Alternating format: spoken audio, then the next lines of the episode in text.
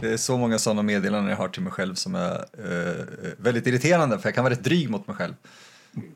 Men det är bra. Någon behöver sätta mig på plats. Och eh, om inte jag gör det, vem ska då göra det? Så, kär... Nej du Matte, ta ner näven.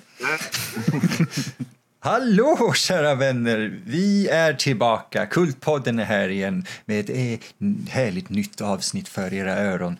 Och, och på tal om öron så är det ju soundtracks den här säsongen och vi har ett redigt soundtrack att prata om idag. Men med mig har jag vilka då? Ja, jag heter Mattias. Oh, är det en Jag röst du heter- känner igen? Ja. Jag heter Patrik, eh, sist jag kollade. Vi kan ha ändrat det när avsnittet släpps liksom. Så. Ja, precis. Så att du får... eh, Så att vi framöver får presentera dig som the podcaster formerly known as Patrik. Ja, just det. Det är cred. Blir, blir nästa avsnitt. Se vad jag heter då. Du, Exakt. de här avsnitten du har varit med hittills har gett ett sånt jävla ego liksom att du börjar ändra till artistnamn. Exakt. Underbart. Men vad är det för soundtrack vi ska prata om idag? Är det någon av er som vill berätta det för, för eh, oss alla? Nu vet vi ju redan det som ni har klickat på avsnittet, men ändå. Ja, det blir en eh, klassiker till eh, Nintendo 64. Närmare bestämt Goldeneye. Åh. Det känns så... Oh, titta där! Den tar sig ton och gör det helt rätt.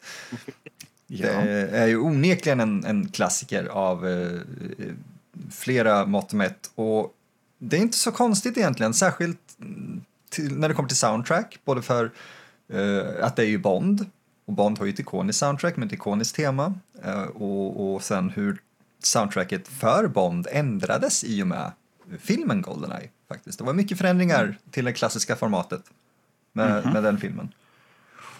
Ja, eh, både sett till soundtrack och eh, lite i eh, hurdan en James Bond-film var.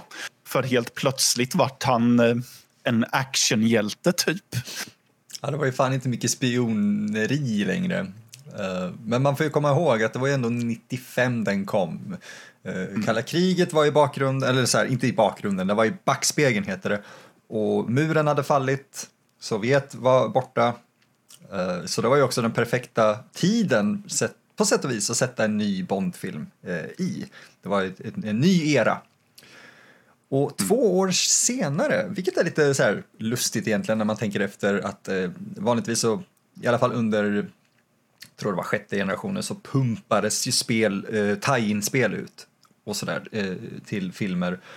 Och här var det två år efter filmen hade släppts och liksom, vi har försvunnit in i liksom kanon av Bond och vi förberedde oss på Tomorrow Never Dies som Rare, det brittiska företaget Rare, som jag och Patrik faktiskt, vi pratade ju om eh, soundtracket till Donkey Kong Country som de gjorde eh, i första avsnittet av säsong 4.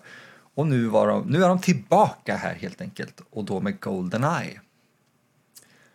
För det var ju, ja det var en intressant liten historia hur de började göra det. Eh, väldigt kortfattat så var det ett, en chansning kan man säga att det blev så bra som det blev. För Uh, Nintendo slutade bry sig mot slutet av utvecklingen egentligen. För de ägde ju aldrig Rare, utan det var ju så att de hade ju Rare som typ tredjepartsutvecklare och Rare missade, om man ska säga deadlines, eller sköt upp deadlinen hela tiden. För först skulle det ha kommit till eh, Super Nintendo och sen gick det igenom förändringar och skulle släppas till eh, 64. Och de som, ja, Nintendo slutade betala Rare de sista fyra månaderna för att de trodde inte på projektet längre. Och jag har för mig det var de sista fyra månaderna. Och sen fick vi då den eh, onekligen klassiken som ultraklassikern som Goldeneye är och förändrade faktiskt hur f- första personsskjutare på konsol fungerade. Än idag märker vi av det. Mm. Och Ja. kul nog, jag vet att jag pratar mycket här nu, men det är för att få ur mycket av bakgrundshistorien. För kul nog, när vi spelar in det här, så vi kan avslöja att det är den 28 januari, så eh, släpptes faktiskt Goldeneye remastern eller remaken äntligen till eh, Xbox och Switch igår, alltså den 27. Och det är ju väldigt lämpligt tycker jag då att prata om det. Ja, jag märkte det när jag skulle försöka researcha lite så konstaterade jag att ja, vilken jäkla timing det var med inspelningen eftersom att det faktiskt eh, var på eh, verkade vara i ropet i och med att remaken släpptes för det hade gått mig helt och hållet förbi. Men så nu är det ju folk som har skrivit lite om spelet och det har gjorts eh, TikTok-videos angående soundtracket och, och så. Men det återkommer vi säkert till. Det var mystiskt, det vill jag veta mer om. Ja, jag kan väl ta det nu direkt ja, istället. Inte? Alltså, det, jo, ja, okej, okay, men det är ju kring just ett spår på detta soundtrack. Och det är Precis, yeah. det är eh, pausmusiken eller Watch Theme eller vad det nu ska heta. 007 Watch Theme. Ja, precis. Jag har en, det klippet jag lyssnade på så har de döpt spåret till Mission Status eller något sånt. Ja. Mission mm. Status eller något sånt. Uh, och det, det, är lite intressant. Alltså jag förstår ju att det är ikoniskt för många som har vuxit upp med det och så med just det. Men det, är väl inte, det var väl inte det temat jag la på minnet när jag lyssnade igenom soundtracket riktigt. Mm, okay. Utan eh, kände väl att men det finns väl bättre spår att göra videos och dansa till och grejer. Om man nu ska börja göra spår och dansa till det så känns det definitivt som att det finns bättre spår att göra det till. Ja, är, är spåret wristklock förresten så jag hänger med? Ja, ja det borde det vara ja. Mm. ja det, det, det, känns som det skulle kunna funka som en tryckare. Som mest, kanske. Lite ja. awkward kanske. Ja, ja, eller att man håller på och pratar om att det är ett äh, mästerverk och grejer. Men det är min äh, väldigt subjektiva åsikt att det finns bättre spår. Och det här är intressant ändå. Så. För, för mm. vi uh, har ju faktiskt, för att det är så många låtar så gjorde vi så att vi har, mm. istället för att gå igenom alla och försöka hitta någon form av struktur i det, har vi valt topp tre uh, separat från varandra, man ska säga. Vi har i alla fall inte konferenserat över vilka spår vi har valt än, men vi kommer till det. För mm. uh, det var ändå intressant att det är i ropet nu i och med TikTok och allting då. Men um, Ja, det var, inte, det var inte meningen på din part, eller? Åh oh, gud, nej. Ja. Jag, jag, hade ingen aning om att det skulle Nej, för jag började misstänka det. Bara, fan, var du med, medveten om att det här skulle re-releasas? Liksom? Ja, jag, jag, visste att det skulle komma, men jag visste inte mm. uh, när riktigt. Mm. För jag, jag var ju lite ful förra året, tror jag att det var när uh, Xbox Live Arcade-versionen av Goldeneye remastern släpptes. Jag lyckades få tag på den och spelade nästan igenom hela. Mm. Så jag var verkligen så här, fan alltså att det här inte blev en grej. Eh, det så, mm. så bra remaster och nu har vi den äntligen ute. Det är inte, det är inte samma, är inte, det är inte samma remaster som Rare jobbade på. Men mm. eh, det är ändå ganska logiskt att det kommer till Nintendo och eh, Microsoft om man ska säga, för Microsoft äger ju Rare har jag för mig fortfarande. Jo, det gör de. Jo, det gör de. Mm. Och MGM är väl någonstans glada i, i hörnet att få lite cash och Nintendo eh, har ju rättigheten till Goldeneye, alltså själva spelet. Och de har mm. väl lyckats komma överens äntligen för de insåg att alltså, vi har missat pengar i så många år här nu. Att nu löser vi det här. Mm. Så, ja, alltså det, ja. det, det, är så konstigt att de har valt att sova på den här titeln i så många år egentligen. Eh, med tanke mm. på den stora kärlek som just finns till det här spelet. För att det är ju många som har... Eh, alltså det var ju... Jag hade ju inte spelet själv för att jag har aldrig ägt en Nintendo-konsol. Mm. Eh, men jag hade ju vänner som hade Nintendo 64 och den, det här spelet var ju en given titel i deras katalog om man säger så.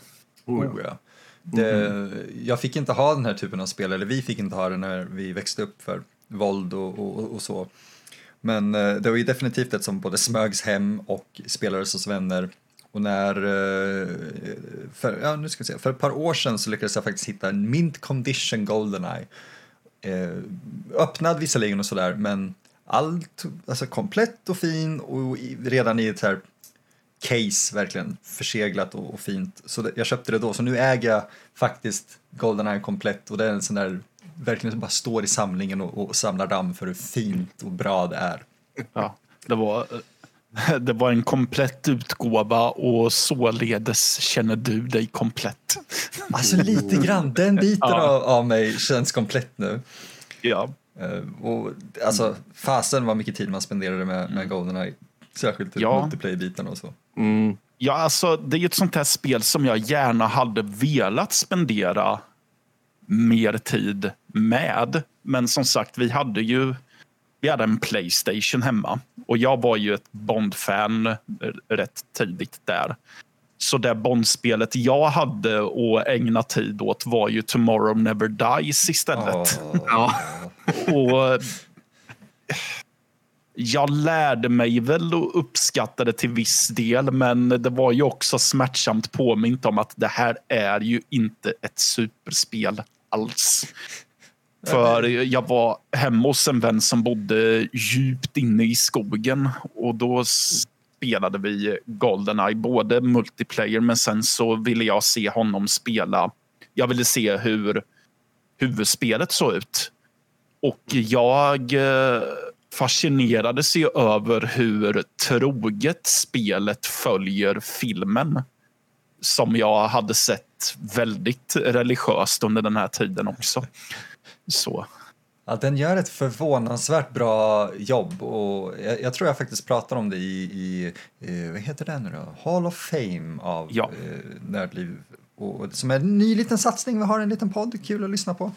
Och det, det är just att Goldeneye frångår så mycket av den, jag kan inte ens kalla det struktur egentligen, men hur ett FPS var upplagt vid den här perioden. För det var ju i princip, ta det till plats A, eller från plats A till plats B. Det var nyckeljakt och allting. Goldeneye jobbar in uppdrags, liksom, alltså verkligen uppgifter. Där du var tvungen att hacka den här servern eller hitta den här nyckeln eller mängder av sådana coola grejer. Mm. Och jag tror det, till viss del så var det beroende på att många av de som jobbade på det här var, det var deras första spel. Mm. Och, vilket gjorde att de visste inte riktigt hur fan ska vi designa det här egentligen för att för det första är det ny, ny konsol, det är en, nytt spel, det är en ny typ av genre för oss. Vad ska vi göra? Så banorna känns nästan... Jag tror de flyter på så bra för att de är så väldesignade, men banorna känns inte som banor, de känns som öppna eh, arenor mer. Mm. Mm. Och det är så häftigt. Det, det, ja. håller, det håller förvånansvärt väl tycker jag, eh, så här många år senare. Mm. Men det här med missions och så.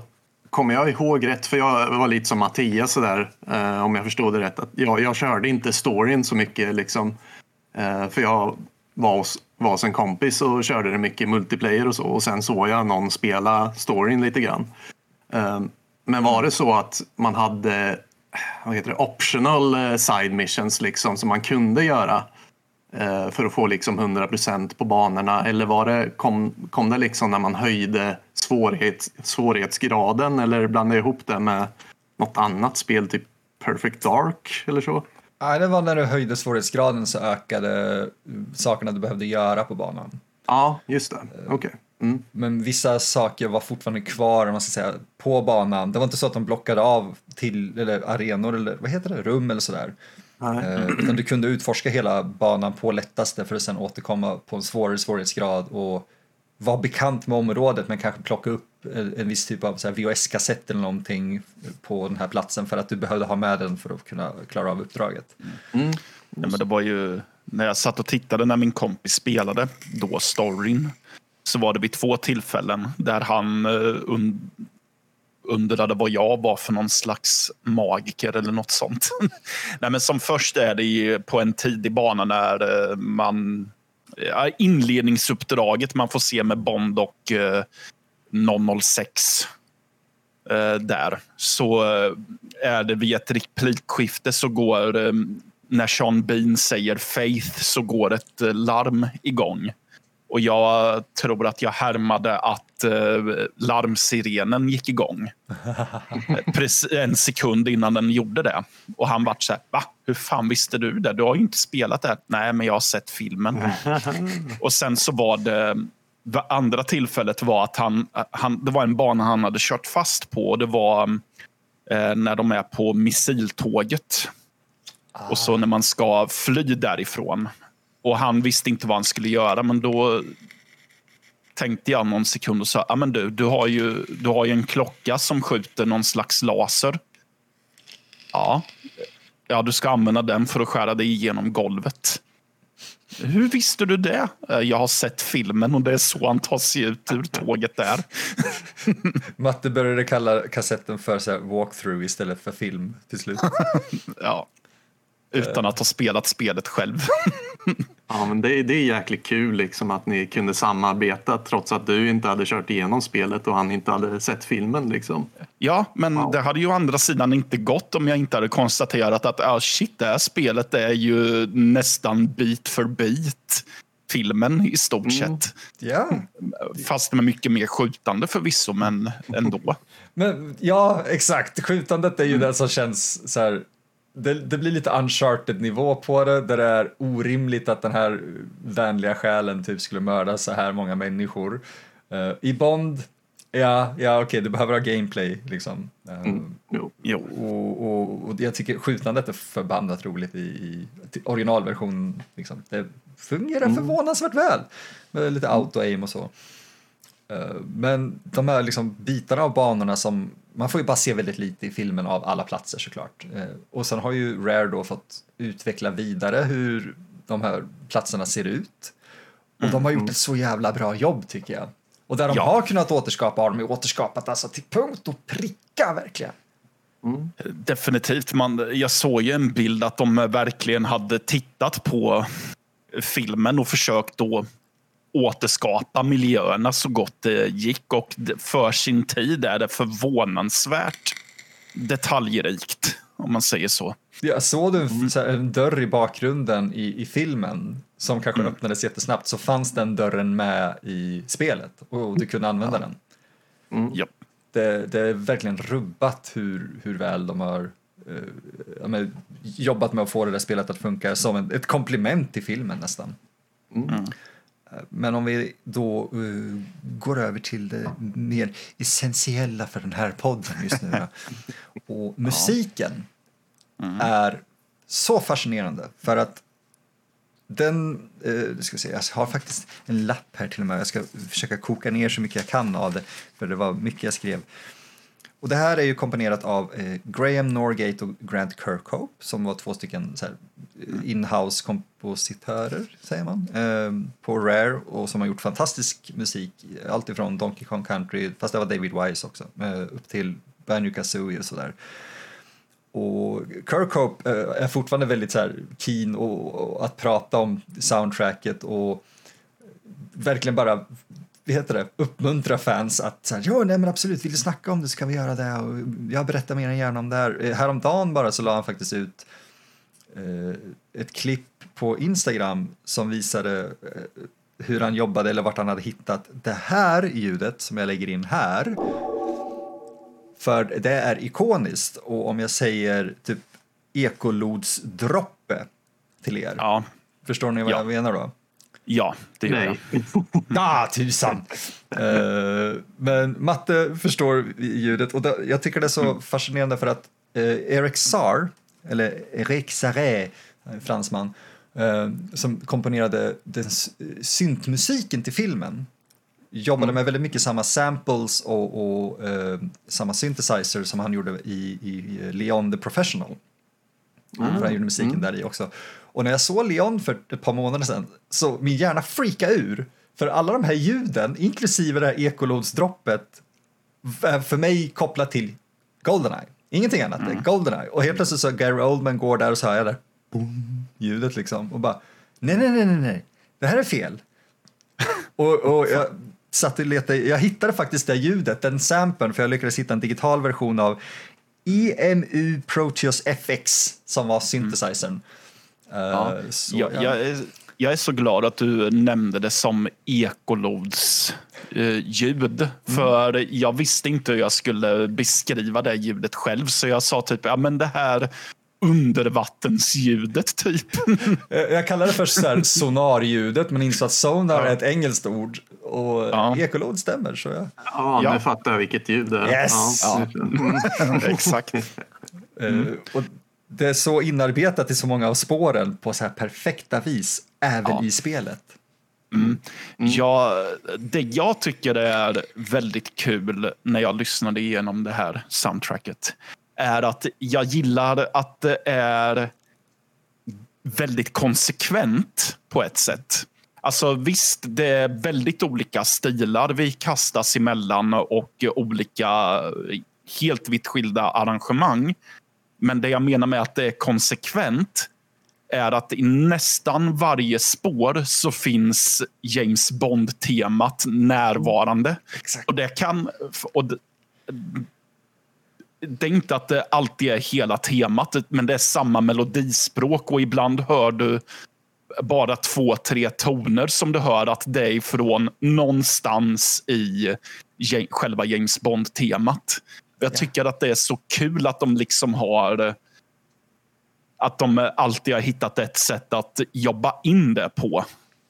Vilket gör att eh, det verkligen känns som att det är en, en konsekvent helhet i eh, albumet, får jag väl kalla det för nu då. Ja, men det stämmer. För att det är det som får det att kännas som ett album. Mm. Det, jag, jag är så glad att du tog upp det här för att eh, jag, jag var lite rädd när jag, började lyssna på det att här, kan man säga att det här är bra som ett album? Eh, Eller är det bara att man minns vissa låtar till vissa banor eller sådär och tycker att det är bra för det? Nej, nej, det funkar som ett album och som en historia. För du kan lyssna på första låten till sista, förutom bonuslåtarna då, men liksom till sista och koppla ihop storyn. Ja. För Damn, alltså första låten, har mycket motiv som du säger och så från Bond. Eh, inte så att det blir övermäktigt eller sådär, men du känner igen dem. Och sen går du ner till Cradle som då är den där stora satellit eller parabolen som eh, slutfighten utspelar sig på i filmen och så. Och, och där hittar du samma motiv eller återvändande eh, tematik och sådär. Och allting är det är, det, det är bara smått, liksom. smått hela tiden. Men jag kan inte sätta fingret på varför det funkar så väl, förutom just att de har det konsekventa Bond-temat eller motivet återkommandes lite grann hela tiden. Det är som salt, Ja. liksom. Det är liksom. Du saltar mat och det blir mycket godare än vad det är, men översaltar du så blir det piss. Och här är det perfekt eh, kryddat. Haha! Ja. Precis. Nej, men och, det, det, det kan ju vara väldigt subtilt ibland. Som ja, men ett spår som jag gillar som heter Silo, till exempel.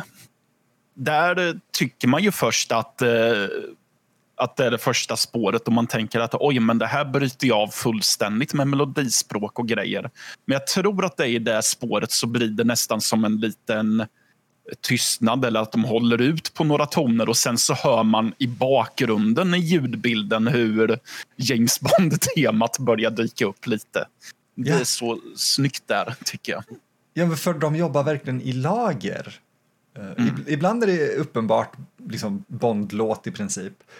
Men sen är det just det där att de bara jobbar in det i bakgrunden eller lite vid sidan av så att du anar vad det är. Jag tycker klocktemat är faktiskt perfekt för just det egentligen. För att du har eh, det här, först ekolods-ljudet som heter eh, Infinity, tror jag. Och bara det gör det liksom ikoniskt för, okej, det här är Goldeneye. Det är inte Ja. your daddy's Bond. Och sen kommer ändå dum, dum, dum, dum, Ja. dum, dum. Och sen pulsen Ja. typ som kommer. Jo, och det låter som att eh, det spelas på en xylofon. Ja. James Bond-temat där. Eh, och det är väldigt snyggt hur det, han, och jag tror att det har att göra med att det är väldigt långsamt.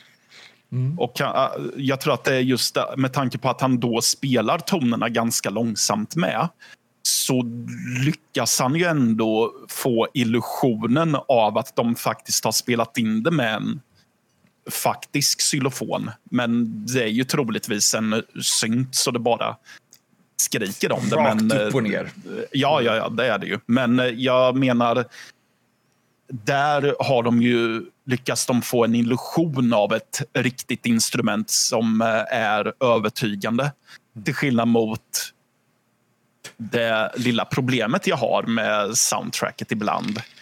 Och det är ju eh, gitarrljudet de har, eller det ljudet som, låter ska, som ska låta som en distad elgitarr.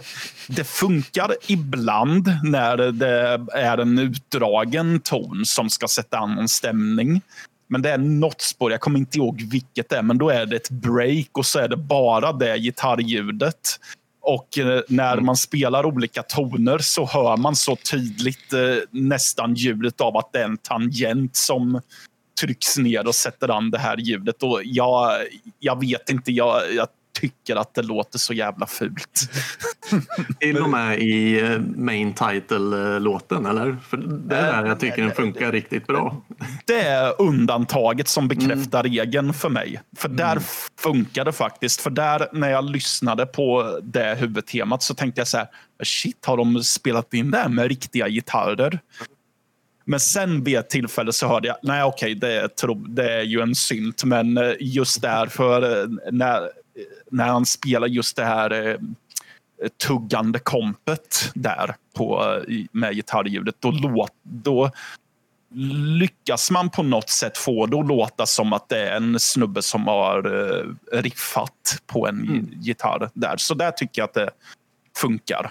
Mm. Eh, men annars så tycker jag att det funkar när de eh, gör en, när de har en ton som är utdragen. Men så fort de börjar spela ehm, när de byter toner, så, om man säger så, så eh, blir det väldigt tydligt att nej, det här är inte en gitarr. Och det är, och det är just vid tonbytet om man säger så som jag tycker att det är fel för att det, det, det blir som ett hack i det på just det ljudet och det vet jag för att jag själv har lekt med gitarrljudet på en synt så jag vet att ja, det, ja. Nej, men det där är sant, alltså, det är så intressant att säga det för jag, eh, det, det finns ett par saker jag stämmer på i soundtracket också. Men eh, just det här med när man kan börja höra att det är någonting här som inte funkar riktigt, det känns inte autentiskt. Eh, jag, jag drog ner, det var ett tag sedan men jag drog ner en eh, helt enkelt Goldeneye 64-ROM. Så ni som inte förstår det, det, det är alltså en digital fil av spelet, man ska säga. Och slängde in det i, jag kommer inte ihåg vilket program det var, men jag kunde helt enkelt öppna upp ljudfilerna i Cubase sen. Så jag kunde se, okej, vad, vad är det vi har här och jobbar med? Och eh, många av de där ljuden som man känner igen eh, fanns där. Och typ in, Infinite och, eller Infinity och allting, det var ikoniskt. Gitarren var det absolut värsta att sitta och leka med. För det var typ och sen var du tvungen att hitta nästa. Och det var, det var så, så indelat. Att det var så här, du, kan, du kan bara... Det, det här var ju gjort för det här spelet verkligen, för det är ju midi och allting. Men du, du, du kunde bara spela det, den låten det var tänkt för. Alltså Bond-temat. Ingenting Jaha, annat. okej. De, de har verkligen så här försökt att göra det så att det ska låta bara för det. Det, det, det, det är inte anpassat för någonting annat. Så jag håller helt med att det, bara, det här känns inte autentiskt, för det är inte det. Nej. Eh, men det, är så här, det har sin charm. Men ja. Eh, annat är så här blåsinstrumenten. Det fick mig att vilja gå i taket på de flesta låtarna. det, alltså så här, trum, eh, vad heter det? Trombones, vad är det det heter? Trombon. Trombon, Ja. ja exakt. Trombon och, och allting. Det, det, bara, det funkar inte, jag köper den inte. Det känns som den absolut billigaste midi-trombonen och blåsinstrumenten jag har hört.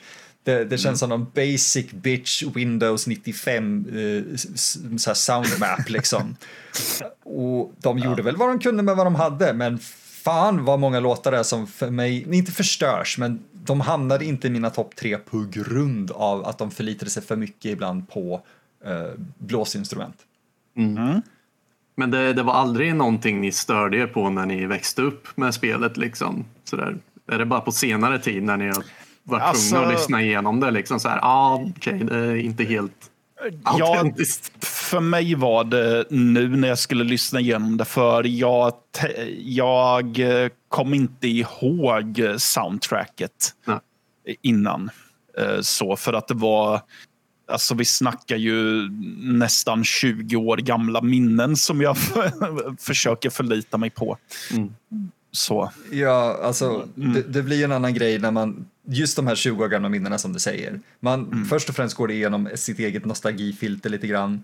Och sen går det in i, i att det kom ifrån förmodligen en mono-tv, kanske stereo, ifrån en Jo, ja. 64-kassett, från midi. Nu när vi har hört dem så har det ju varit, eh, jag lyssnade på så här flack lossless-versioner, vilket är i i så hög kvalitet det egentligen kan lyssna på eller som jag orkade bry mig om att lyssna på. Eh, och de är ju då, om man ska säga återskapade för att funka som en ljudfil och inte spelas upp från en kassett. Vilket det är en kakafoni som är rätt intressant. Liksom. Men midi-filer går inte att lyssna på utan du måste spela upp det via ett program med midi-instrument. Mm. Och eh, när de då har återskapat Goldeneye och allting i så hög kvalitet så blir det så uppenbart just att oj då, jag hör vad de har lyckats dölja eh, i lägre kvalitet innan. Li- lite som när man tar en klassisk film filmad på 16 mm och blåser upp det till 4K. Du, du kommer Ja. börja se sminket och, och sömmarna liksom. Ja, ja, men det var ju som eh, när jag, eh, litet sidospår, när jag såg att, eh, jag tror att det var Indiana Jones och de fördömdas tempel gick på någon filmkanal. Och då var det ju förmodligen någon eh, nyrestaurerad version. Och då är det ju en scen då jag eh, såg och vart lite så här, oj, jag har nog aldrig tänkt på att det är en målad kuliss han går framför där typ. Eller att det är en Just kuliss han går framför. ja. Och att det inte är en faktisk by de har varit i. det, det förstör. Vi behöver inte se allt i 4K folk. Nej, nej. Nej. Nej. Sen tog det ju inte bort... eh, jag, jag är ganska duktig på att bortse från sånt också, så det förstörde ju inte filmen i sig. Men det var bara att jag konstaterade att ah, det där har jag aldrig sett förut. Och jag behövde inte se det heller. Det, det är lite problemet när man så blir intresserad av någonting och börjar ja, men, gräva sig djupare i det, typ film eller musik. Vi hade ju förmodligen inte stört oss på det här, för det var en bra fråga Patrik, för jag funderade just på, har jag någonsin stört mig på hur det låter? Och, Nej, inte förrän jag hörde det just i så bra kvalitet jag bara kan. Och eh, jag lyssnar ju på det här lite som ett vanligt, alltså ett, som ett album innan vi bestämde oss för att göra det här som ett avsnitt. Och just för att jag tycker det är ett bra album. Och där någonstans så var det ju sån här, ah, det där gillar jag inte och det där tycker jag inte om. Men, men samtidigt så lyfter, lyfter upp väldigt mycket jag faktiskt verkligen tyckte om också, som jag tänker att vi kommer komma till. Men bristerna blev extremt tydliga då. Mm, mm. eh, ändå. Mm, okej. Precis. Men jag är lite nyfiken faktiskt. Eh, Om vi kanske ska gå in på så här lite topp tre då helt enkelt. För Ja, eh, Patrik, Patrik du, får, du får börja. Det kan vara utan inbördes ordning, men vad är dina topp tre låtar du har valt? Eh, ironiskt nog har jag valt uh, wristclock-temat. Nice! Jag måste säga att det gjorde jag också, för är det så att vi har eh, samma låtar så säger vi det högt så slipper jag lägga in flera versioner av dem. Ja, och ironiskt nog så är det min kritik om uh, själva soundtracket också, att det här Bond-temat är lite för återkommande liksom. Jaha. Jag, jag, jag, för jag, har liksom inte, jag har inte spelat igenom eh, story, storyn i spelet och så. Jag, jag har liksom bara kört eh, mest multiplayer med så här barndomsvänner när jag växte upp och så. Så att jag kommer egentligen ihåg så här menymusiken och multiplayer-låtarna och sådär. Och sen Wristclock när jag tittade på när Rasmus spelade spelet i single player. Ah, nice! Ja. När han pausade spelet så bara oh. Dun, dun, dun, dun, dun, dun. Så här, det, blev, det blev en paus, en break i spelet när man skulle gå och äta eller någonting. Liksom. Så att den är väldigt nostalgisk eh, för mig faktiskt. Kan vi- jag har wristclock som topp tre.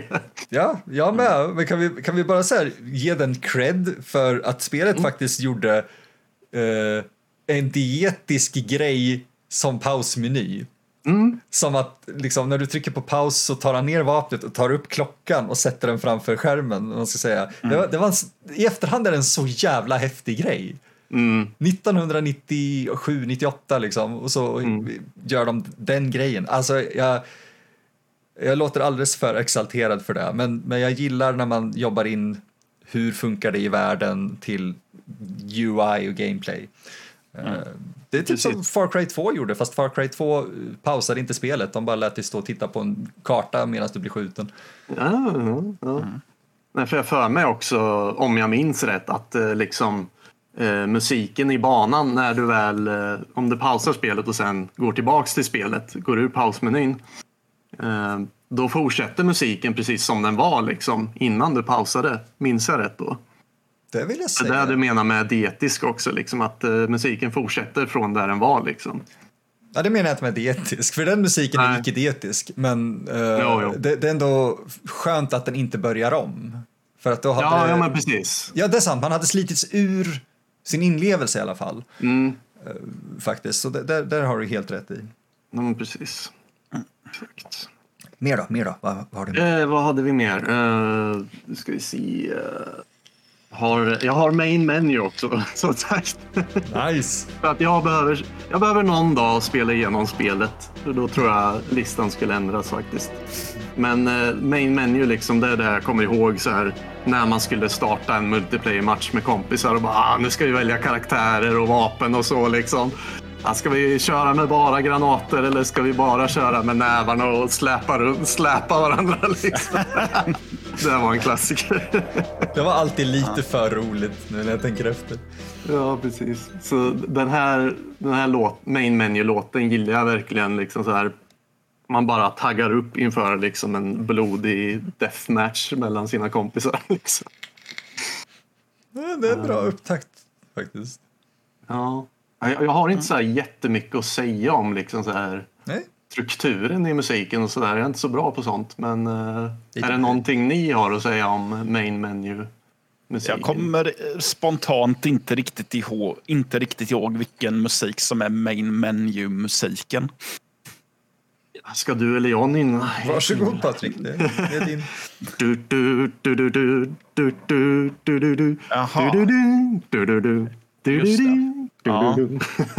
Nice. Ja, nej men eh, alltså det, den har ju en sån här eh, nu rustar vi oss för strid-feeling ändå som eh, såklart passar när man ska välja karaktärer för en multiplayer-batalj om man säger så. Ja, precis. precis. Den är väldigt briefing faktiskt. De har lyckats sätta den känslan av att det här är en genomgång eh, i, i låtform och göra det jävligt bra. Ja, Mm. Precis. precis. Sen står det, jag har fuskat lite, eller jag har inte valt tredje. Det står mellan två olika låtar. Ooh. Jag tror en, jag tänkte ta en multiplayer-låt, men jag tror den är en låt i en av banorna också. Mhm. Eh, multiplayer 12 står det här bara. Jag, jag fuskar och har uppe Youtube och lyssnar lite. Om, om jag hittar den i mitt soundtrack så lägger jag in den. Om inte... Ja. ja. Det var någon som skrev bland kommentarer att det är Damn X också. Vilket Ah. jag tror är en bonustrack som kanske inte finns i själva spelet eller? Ja, de som har X har jag förstått det är mm, remix-varianter. Ja. Och jag vet inte Ja. om de använder dem som eh, multiplayer-låtar kanske. Men jag tror... Jo men Ja. precis. Eh, Precis. Men eh, jag tar eh, Statue heter en låt. Ah. Och utan att ha spelat igenom spelet själv i single player som sagt. Så diggar jag den här låten för att den låter väl, som att det är väldigt stä- äh, tät stämning i den. Och Verkligen. jag vet inte riktigt vad den handlar om men jag skulle gissa på att man smyger runt och tar ner fiender eller undviker fiender på någon mörk bana. Jag vet inte om den, det här tracket säger er någonting. Det är fan fascinerande att de lyckas formulera det, eller förmedla det via en låt. Ja, ja, men för det är väl, jag kollade på lite gameplay på just och då kom jag till just den banan. Mm. Och eh, då, då är det typ så det är. Att du går i en park och eh, skjuter snubbar. Ja, Typ. De, de, de gör det så mycket smyga som de bara kan, vilket innebär Ja. typ ingenting. Ja. Jag, jag tror inte ens att man har ljuddämparen på pistolen i den banan. Oh. Just det. Och det bara dyker upp folk ur sig dimman och man får bara f- försöka överleva. Det Just det, var det mycket fog i det här spelet? Eh, på den banan är det där, för att det ska ju Mm, vara ja. så tätt och mystiskt liksom. Mm, Okej, jag kan tänka mig att den låten funkar perfekt till en sån bana ändå. Oh, ja. Jag läste någonstans att de var väl hyfsat tidiga med att använda dimma för att typ eh, skymma lite skavanker eller något sånt också. Ja, det är så, som Playstation 1 liksom med Silent Hill och allting. Det, att det, dimman är ju där för att verkligen täcka att det laddar in skit hela tiden. Ja, precis. Eh, och Goldeneye har aldrig så höga ban eller stora banor förutom ett par, jag tänker bitar av uh, Dam och Runaway exempelvis där det, det, det är som en vit dimma som den är inte som en dimma så mycket som att det här är bara bortom ditt sikte eller din vy. Men det, det, det kommer sakta fram istället för att poppa in. Mm. Så eh, de använder dimma bra på, på ett snyggt sätt. Ja, kan tänka mig att det hjälper med frameraten också för att gud ja. eh, det spelet, jag vet inte vad, hur hög FPS man har i det. Under 20? 20? Under 20? Jag tror, har du tur så kan det vara uppe i 30, men det originalet ligger nog på 20 någonting. Ofta på streets vet jag att det kan gå ner till typ 9. Uff. Yeah. Då Ja, det, är ett helvete att, det är ett helvete att emulera det här spelet. på tal om det. det brukar? Då brukar man hamna, ja men alltså på andra konsoler och sånt där. För sånt håller jag på med lite ändå. Uh, får jag väl säga. Och då, då kan det bli så här 5 FPS och bara ja, det kanske inte är värt att spela det så här. Så jag har köpt spelet till 64 liksom. Jag ska bara spela igenom det någon dag. Legit. Nice, ja men det tror jag alltså, du, jag tror du kommer gilla det här. Det känns, som jag sa förut, det känns inte så gammalt som det är. Jag börjar bara vänja mig vid kontrollschemat och allting. Jag är inte ett stort fan av 64-kontrollen tyvärr. Den är, alltså, jag, liksom, jag växte upp med den och jag har aldrig sett problemet med den men jag kan förstå att det fuckar med folks huvuden idag. Eh, lite grann. Och baserat på, det, alltså, på den kontrollen så gjorde de ett så bra kontrollschema de kunde faktiskt. Och det funkar superbra och det intressanta är att du kan faktiskt koppla in två stycken kontroller och använda det som en DualShock. Det var det jag ville göra för att jag gill- ogillade kontrollen så mycket. Liksom. jag skulle kunna gå den längden och liksom köra med två kontroller istället. Så att, eh, jag vet inte, påminner om Halo- eller någonting i kontrollschemat. Alltså i så fall föreslår jag, ta ner en emulator, emulera och spela med en handkontroll för det kommer vara smidigare än på 64. Men då är det ju inte samma sak. Nej, nej det inte. Ja. Men sen i Statue-låten också så är det typ, jag tror det är de sista 20 sekunderna eller så. Eh, så påminner musiken lite om typ Arena och Daggerfall. Faktiskt. Oh, Eh, det, det, just i, eh, ja, det, det låter som typ samma synt de har använt eller någonting eller samma ljudfil eller någonting. mycket möjligt. Alltså, det är det. det är ju, om det är midi så är det förmodligen samma eh, wavetable som man ska säga. Ja. Men jag, jag tror att jag förstår vad du menar, för det var något spår och det var nog förmodligen det som... Och det här, oj oj oj, nu blir det ju inte spel alls som jag kommer dra referens till. Eh, det finns ett österrikiskt band som heter Summoning. Som, är väl, som gör väldigt, eh, de är väldigt influerade av Tolkien, så de gör väldigt mycket låtar som har med Sagan om ringen att göra. Men de är ju de hör ju till genren black metal, men de eh, är även i gränsfall till en annan genre som heter Dungeon synt. Ah, fast de har gitarrer också. Men de har ju den här, de har ju midi-syntar som en central del i, sin, eh, i sitt melodispråk.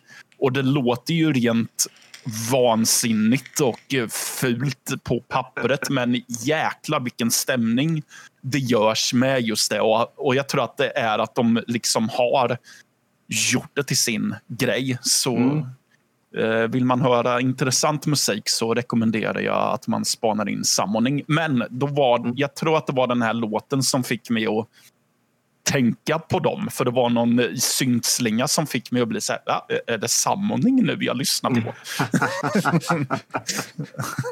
Det vore så jävla random trivia, men ja, varför inte? Ja, så, så det är mina väldigt tre random topplåtar för att eh, jag behöver spela igenom spelet. Men jag hoppas det här perspektivet är lite intressant också. Ja, Men vilka var det nu? The, the Watch Theme? Eh, ja, uh, Wristwatch tror jag den heter. Ehm, Och så är det ju Statue var den här och tredje, ja Main Menu helt enkelt. Ja, men det, det är tre solida låtar ändå. Ja. Ja, Ja. jag tror alla som kommer ihåg spelet kan nog eh, känna igen de låtarna. Liksom. ja. Eh, jag kan ha fuskat lite med min topp tre.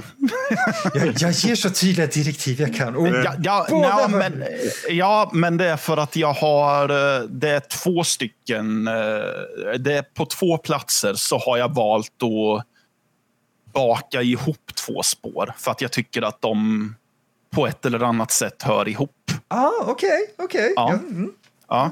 S- Men jag kan ju också nämna en liten bubblare och det var ju den jag nämnde förut, Silo till exempel. För den har lite, ja men den hör inte till topp tre, men jag tycker ändå att den är värd att nämna för att jag gillar ändå att den har ett skönt, lite långsamt beat och så har den några såna här syntorkestrala stings som kommer in. Som får mig att tänka på eh, typ, eh, om någon annan tänker jag på inledningen till Pet Shop Boys eh, It's a Sin Ah. till exempel. För att den har lite sådana syntsting. Så jag förknippar, ja, eller för den delen, deras cover på You're Always On My Mind har de också några syntstings vid ett tillfälle. Det fanns Där. Du, du, du, du, du, du, eller något sånt spelar de då. Mm. Och så. Eh, Men Det var Min- faktiskt min nummer fyra kan jag säga också. Jag kan säga att Ja. Silo var min nummer fyra, så det är nice. Ja, ja, ja, men det är en skön stämning i den tycker jag. Och det är eh, den typ av syntmusik jag ändå kan uppskatta.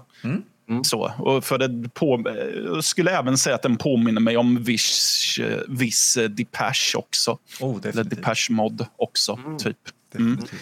Men min, min topp tre då, det, då är det de två första platserna kan jag ju säga att jag har bakat ihop två stycken spår. Då. Ja, men eh, det första jag kan välja det är ju eh, på min lista här så heter de Missile Train och Escape from Missile Train. Jag försöker komma på hur jag ska lägga in en låt där. Blir det... Ja, Jag lägger in Train. Ja, nej men precis. För jag tror väl att egentligen är det väl ett enda spår de här två. Men att eh, i den listan jag, jag på det klippet jag hade så var de uppdelade i två spår och de kommer direkt efter varandra. Och det är väl framför allt egentligen Escape. Där när han flyr för att då blir eh, för eh, musiken bygger väldigt mycket på nästan någon slags några, eh, en orientalisk trumtakt i stort sett. Och eh, vad jag gillar i framförallt flyktmusiken är att det kommer ganska illasinnad och ödesmättade synttoner som liksom slår an att nu är det farligt. Nu är det verkligen farligt här. Och att det, det är flera lager som byggs på hela tiden i det och den ändrar struktur hela tiden. Och det jag tycker är bäst av någon anledning det är att den ibland slår av helt. Och så är det en ganska pipig melodi som låter lite och sen kommer musiken igång igen. Och den har även partier där de håller ut på tonerna Mm. med väldigt långa toner. Och det läggs också på i olika lager och bygger upp igen. Så eh, det är en väldigt... Ja, det, jag gillar strukturen på de två spåren för att de båda två jobbar så mycket med att lägga på lager, ta bort lager, bryta av helt och ha en ensam melodislinga och så bygger de upp igen och så. Ja, men de bygger vidare och kompletterar varandra faktiskt. Så Ja. det, det, mm. Ja, så eh, tågmusiken eh, har jag då som en plats där. Så Sen kommer vi till eh, att först tänkte jag bara ha det här som en, den här platsen som en kuriosa med de här två spåren. Men eh, sen vart det så här att, ja, fast nej, ärligt talat, det är ju bland det första jag tänker på så det är klart att den ska, det ska in på topp tre. Och det är eh, Elevator A och Elevator B. Framförallt Elevator B. För att det är verkligen hissmusik. Men vad, det, vad jag gillar där det är att det känns som att kompositören har fått så fria tyglar och, och så att okej, okay, du har Bond-temat. Mm. Men tänk improvisationsjazz när du spelar in det. Så att, han, så att det känns som att det är en som har improviserat på två spår utifrån huvudtemat bara. Så. Uh, vilket... Som en jävla lounge cover. Ja, men det, ja, men det är så. Båda två är så väldigt roliga tolkningar av huvudtemat och jag tycker att framförallt B är det. För att det börjar som vanliga Bond-temat på Elevator B. Men sen efter att han har kört huvudtemat en runda så eh, går han igång med att lägga såna här Mm. det, det, är bara så jävla underhållande tycker jag. Och jag tycker nästan att det låter mer som att den här att, att de två spåren har den bakgrundshistorien som eh, wristwatch temat har. För tydligen gjorde han det temat på bara 20 minuter. Yeah. Ja, och det, det, låter ju mer som att det stämmer överens med hissmusiken här. Men, Kanske jag kommer lite från samma ställe. Liksom. Ja, men jag gillar för båda två bryter, eh, för när man lyssnar på dem i sin helhet så bryter, så bryter ju de två spåren av och är helt utstickande från övriga soundtracket. Men de fyller ändå sin funktion och de funkar nästan som ett comic relief när de mm. dyker upp. och att det nästan är som att ja, men det är väl klart att vi ska ha dedikerad hissmusik. Det blir en rolig touch.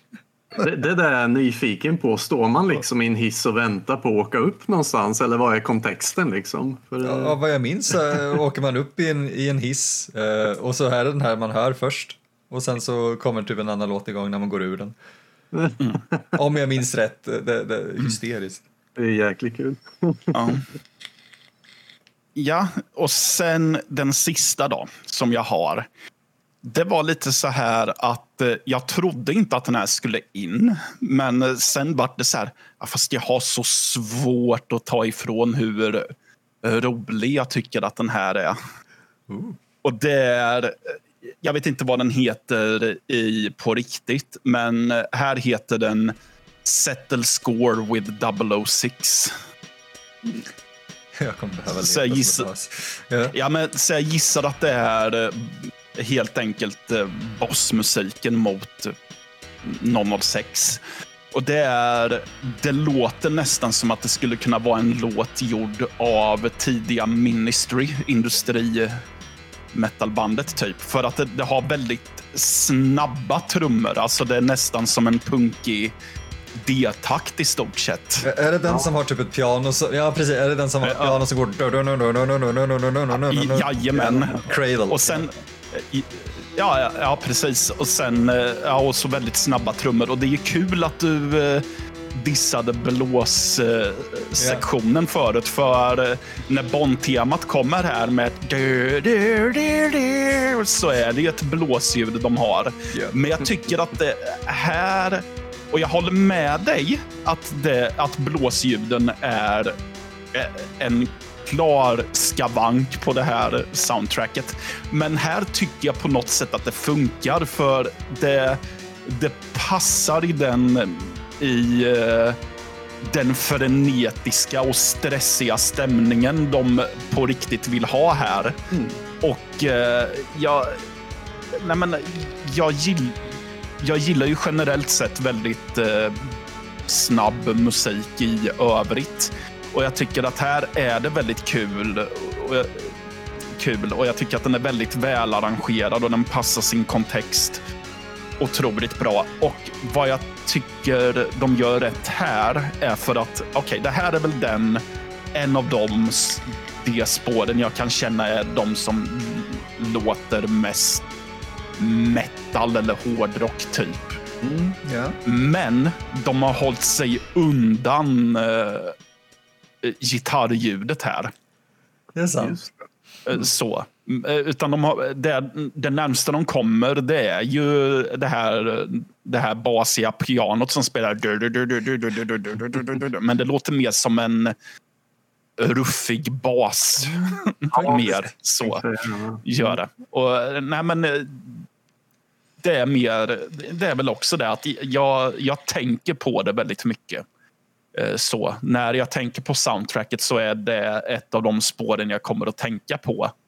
Och Det roliga var att jag trodde att det här egentligen hörde till eh, Förmodligen hörde ju till Cradle, antar jag då. Eh, egentligen. För jag reagerade på det första gången jag lyssnade igenom så kommer det här det här spåret som en, ett konstigt tempobyte i mm. Cradle-temat som i och för sig också är väldigt kul. Så. Mm.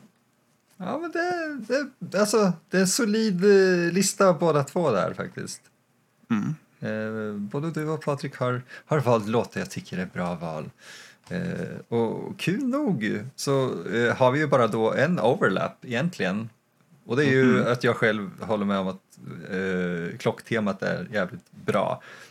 Och det jag skrivit om det är att det är bara en av de där riktigt coola låtarna som osar atmosfär och iskall attityd.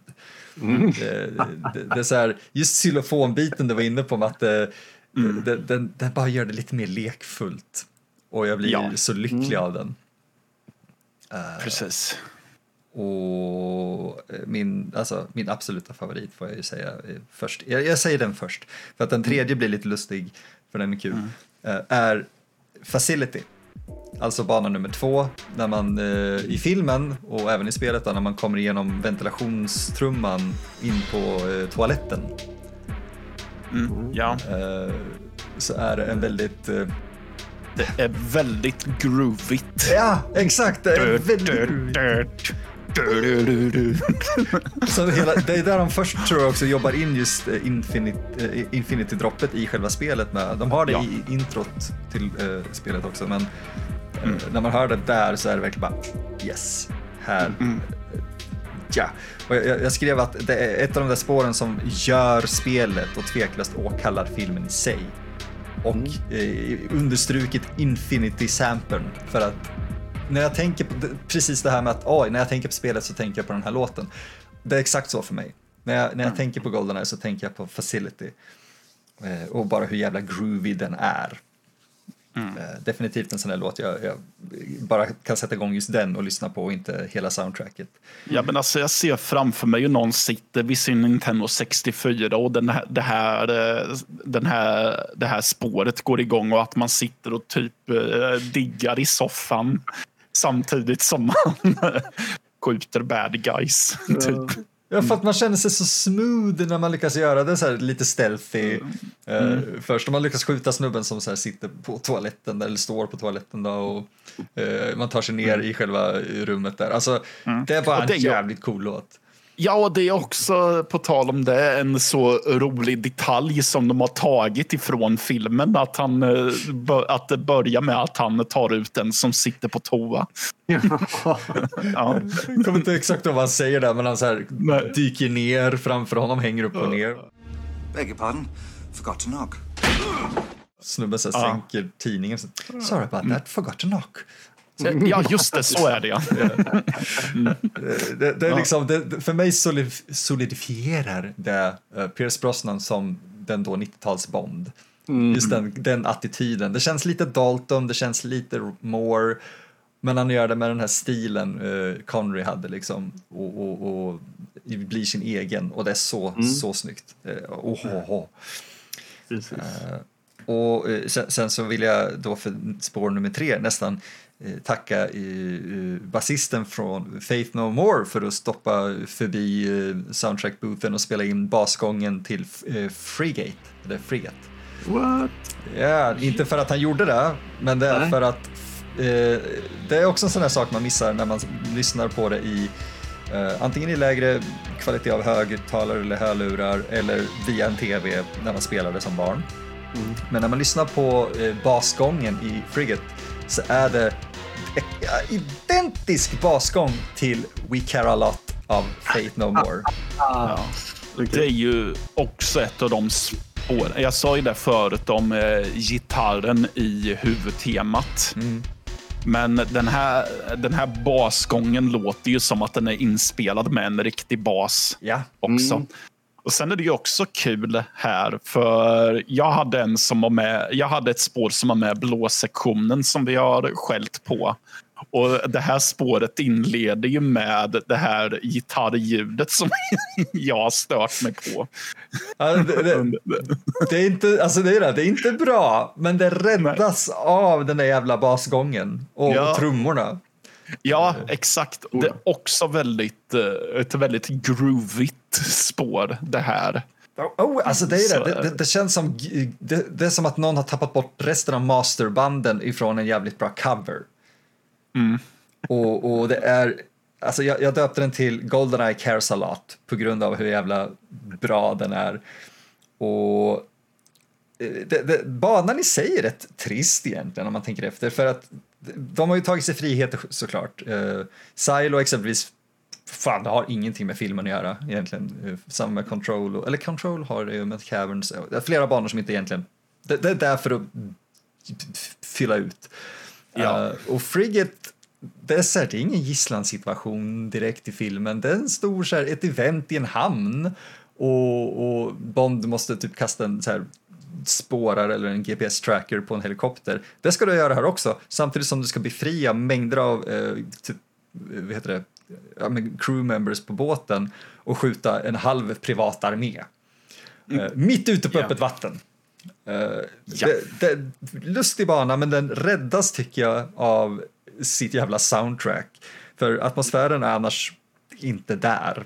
Eh, förutom vissa så här insidor, alltså när man går ner i båten och sådär.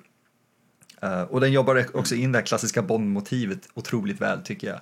Eh, Bara vid att låta den nästan vara en del av, av beatet.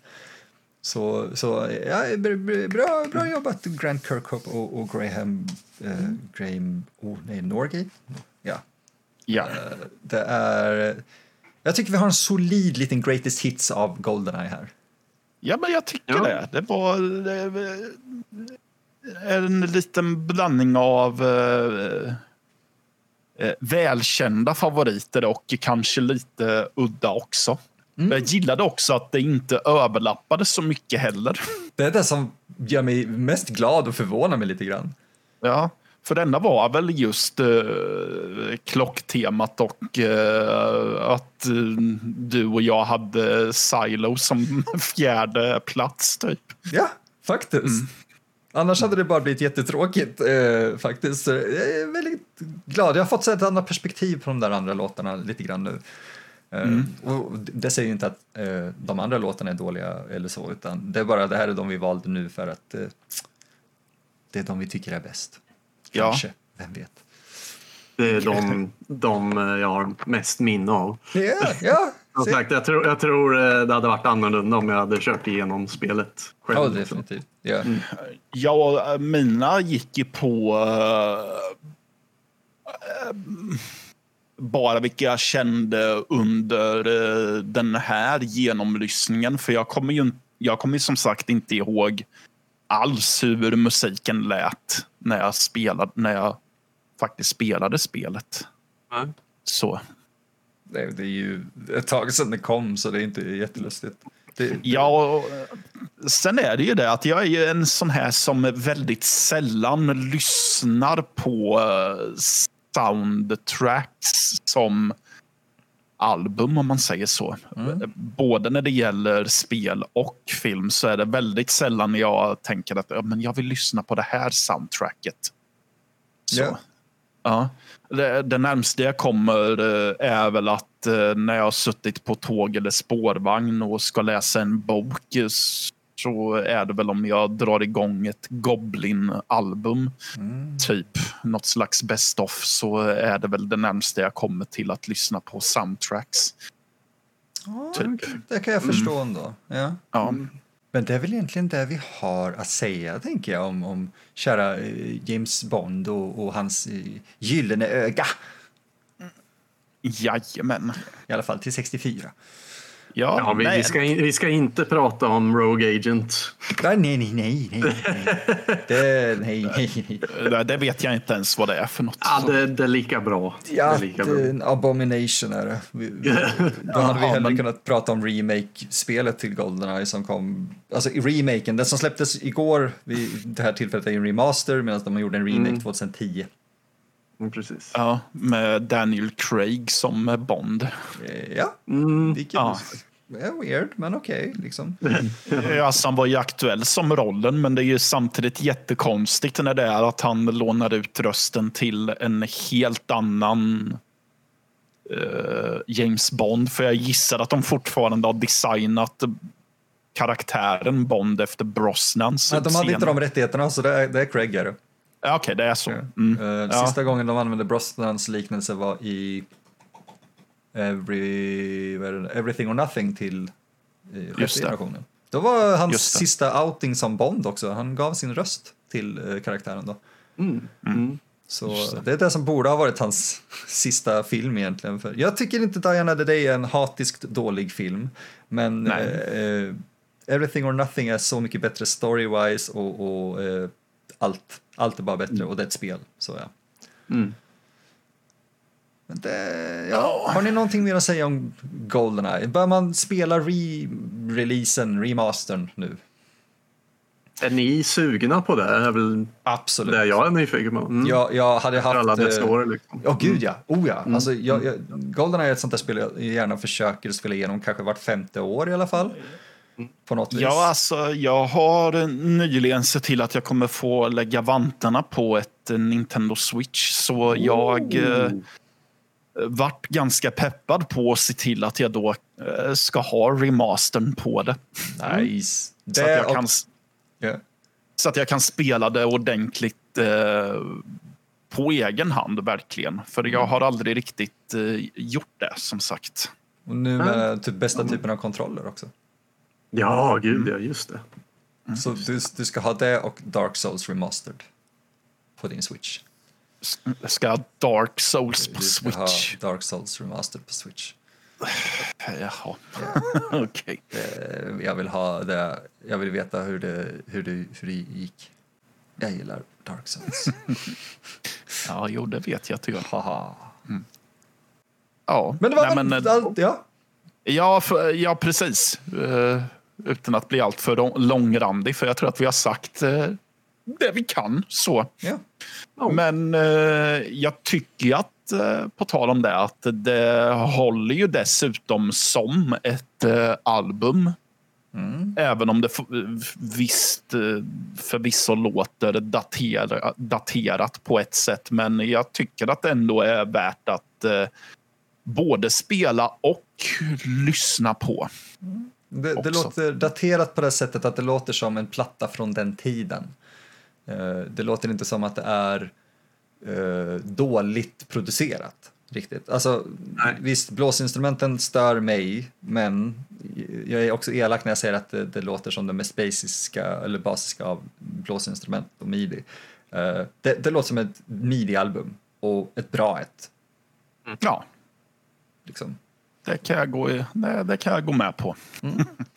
Precis. Så, vill ni säga någonting mer nu innan vi drar iväg oss på våra spionuppdrag? Eh, jag försökte komma på någon eh, fiffig one-liner ifrån Goldeneye, men jag kommer inte på någon just nu.